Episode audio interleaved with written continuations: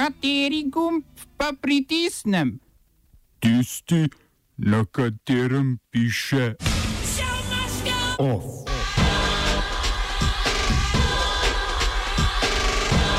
Več evropskih držav priznalo Juana Guaidoja za začasnega predsednika Venezuele.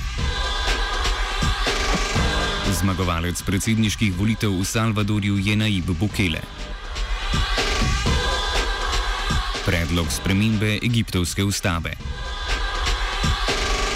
V kulturnih novicah pa druga uprizoritvena konferenca inicijative in provokacije.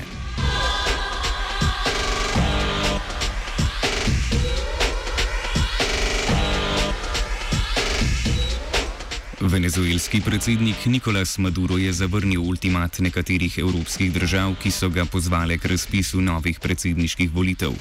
Ultimat, čigar rok se je iztekel včeraj, so Maduro prejšnjo soboto postavile Velika Britanija, Španija, Francija in Nemčija. Kasneje pa so se pozivu pridružile še Portugalska, Nizozemska, Belgija in Avstrija. Kot odgovor na zavrnjeni ultimat so Velika Britanija, Španija, Francija, Nemčija, Danska in Švedska v koordinirani diplomatski potezi predsednika parlamenta Juana Guaidoja priznale kot začasnega predsednika Venezuele ter se zauzele za čimprejšnji razpis volitev. Maduro je v intervjuju v Daji Salvador sicer opozoril na nevarnost izbruha državljanske vojne. Obenem je Guaidoju predlagal reševanje politične krize z dialogom, ki ga je ta že zavrnil. Predsednika Združenih držav Amerike Donalda Trumpa pa vprašal, citiramo, zakaj si želi ponoviti Vietnam. Konec citata. Trump namreč še vedno ne izključuje vojaškega posredovanja v Venezueli.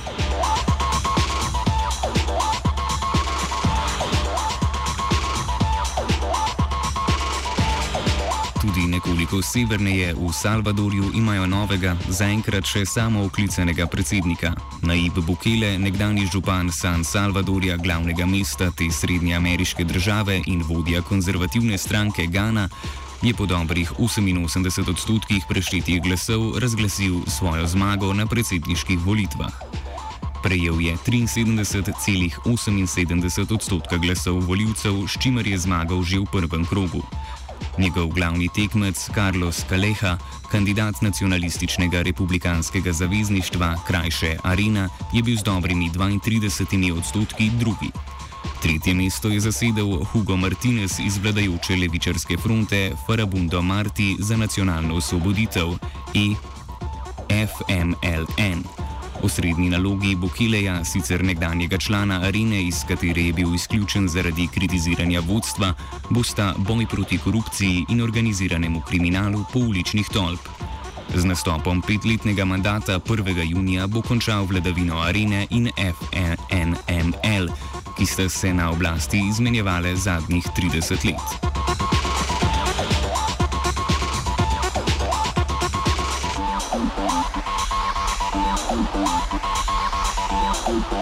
Medtem ko bodo nekateri predsedniki držav šele nastopili funkcijo, jo drugi opravljajo že lep čas in se od nje ne želijo posloviti. Kot je sporočil predsednik egiptovskega parlamenta Ali Abdelal, je 120 poslancev uložilo predlog za spremembo ustave. Ključna sprememba, ki jo predlagajo, je podaljšanje predsedniškega mandata na 2-6 letna. S tem bi trenutnemu egiptovskemu predsedniku Abdelu Fatahu al-Sisiju, čigar drugi štiriletni mandat se izteče leta 2022, omogočili, da ponovno kandidira na predsedniških volitvah. Po trenutni ustavi, ki so jo egipčani leta 2014 potrdili na referendumu, lahko predsednik Egipta to funkcijo namreč upravlja največ dvakrat po štiri leta. Predlog vključuje še ustanovitev drugega doma parlamenta, to je senata, in naj bi stremel k boljši parlamentarni zastopanosti žensk, kristijanov in egipčanov v diaspori.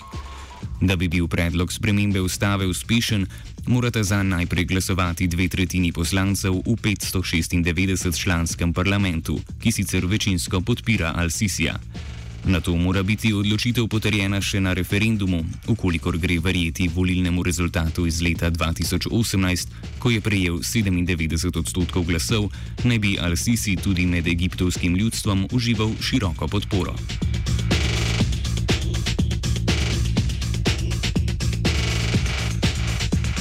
Nigerijsko sodišče v Abuži je odločilo, da se mora Walter Samuel Nkanu Onogen, suspendirani predsednik vrhovnega sodišča, udeležiti obravnavanega naroka, razpisanega za 13. februar.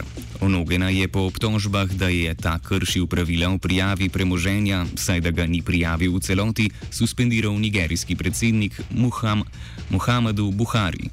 Primer je v Nigeriji dvignil veliko prahu, saj do sodnega procesa prihaja le dober teden pred predsedniškimi volitvami, ki se bodo odvile 16. februarja in na katerih se Buhari poteguje za nov mandat. Opozicija Buhariju očita upletanje v volilni proces, saj ima predsednik vrhovnega sodišča zadnjo besedo pri odločanju o morebitnih pritožbah na volilni izid.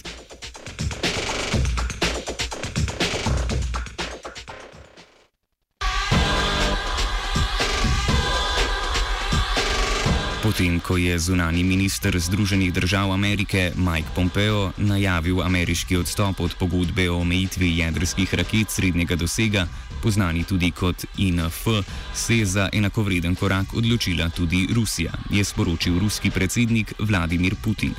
Sporazum INF sta leta 1987 podpisala takratna predsednika ZDA in Sovjetske zveze Ronald Reagan in Mihajl Gorbačov. Obe strani sta se tedaj zavezali k uničenju vseh jedrskih in konvencionalnih raket dosega od 500 do 5500 km. Več o sporazumu, ki je veljal za enega od temeljev miru v offsajdu ob 17. uri. Oba, če, če bom odgovoril na angliški. Slovenia will try to help. Uh, we can. Slovenia will. Uh, and we will do our utmost to say that the situation is our problem ourselves. And uh, we will uh, make further steps as soon as the conditions are. Bomo vlado Marjana Cererera, eh, Marjana Cererera Šarca podprli.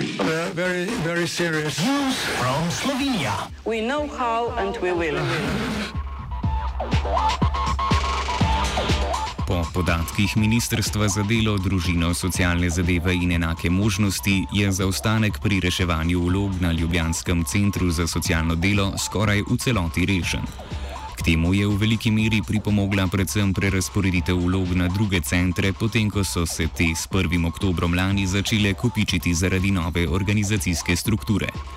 Od prvotno 6000 nerešenih vlog je sedaj v obravnavi še 165 vlog, ki jih na centrih obravnavajo prednostno.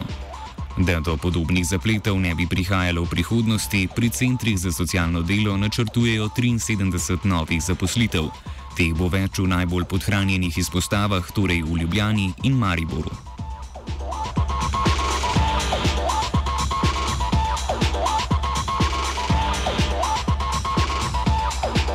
Ministrstvo za okolje je uradno vložilo kandidaturo za upis klasičnega krasa na seznam svetovne dediščine pri UNESCO. Predlagano območje za upis obsega 25.461 hektarjev, osrednji zavarovani območji sta Notranski regijski park in krajinski park Pjuška presihajoča jezera.